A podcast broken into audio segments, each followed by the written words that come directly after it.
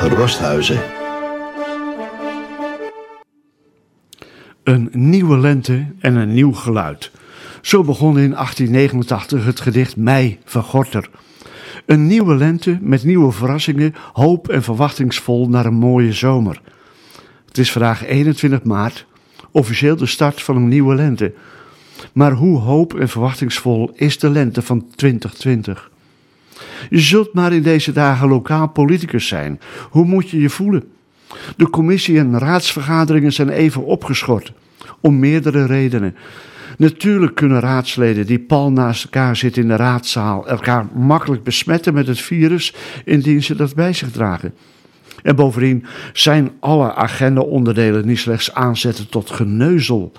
Alles verbleekt bij de furie die officieel COVID-19 heet. Een organisme dat vele keren kleiner is dan een bacterie en waarvan je je best mag afvragen of het een echt levend organisme is, sloopt niet alleen mensen, maar ook een samenleving, een economie.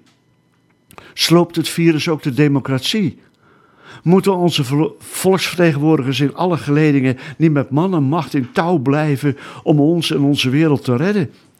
Daar hebben we ze toch voor gekozen? Jawel, maar de kleinste bedreigingsvorm vraagt vooral de inzet van onze hoogste bestuursorgaan. Dodelijker dan een normale griepvirus vraagt het coronavirus om maatregelen die wij, voor het merendeel geboren na de Tweede Wereldoorlog, nog niet eerder beleefden. Onze minister-president en onze koning hebben ons toegesproken en hun belangrijkste boodschap aan ons is dat we ons bewust zijn van ons samen zijn in deze maatschappij. Dat we allemaal een stukje verantwoordelijkheid dragen in de strijd om met zoveel mogelijk te overleven. Wat kan een lokale politicus daarmee aanvangen? Hoe belangwekkend zou een toespraak over hetzelfde onderwerp klinken uit zijn of haar mond? Kunnen ze meer toevoegen? Ik heb onder andere via Facebook een paar van onze gewaardeerde politici opgemerkt en zag hun bijna ontroerende pogingen mensen een hart onder de riem te steken of mooie initiatieven te steunen door het aan te bevelen of zelf mee te doen. Zeg nu zelf, meer kan je toch niet doen? De raadsagenda voor 21 april is nog leeg. Fracties vergaderen nu alleen nog telefonisch. Welke onderwerpen zijn op dit moment waard om je er stevig over op te winden, van harte te ondersteunen, te voorzien van al dan niet wilde moties en amendementen, steun te zoeken via media of bewonersgroepen? Toch draait, hoe voorzichtig en omzichtig dan ook, de wereld in Horen door. Het college stuurt nog steeds. Niet alle programma's en procedures zijn stilgezet. Wellicht kan het gebeuren zonder dat de zaken op details worden afgetikt door de Raad. Fracties die het moeten of willen hebben van burgerlijke gevoelde pijnpuntjes, zoals gekneusde, scheve stoeptegeltenen, voelen nu de belachelijkheid van de vroeger zo oprecht gevoelde noodzaak om het er eens uitgebreid over te hebben.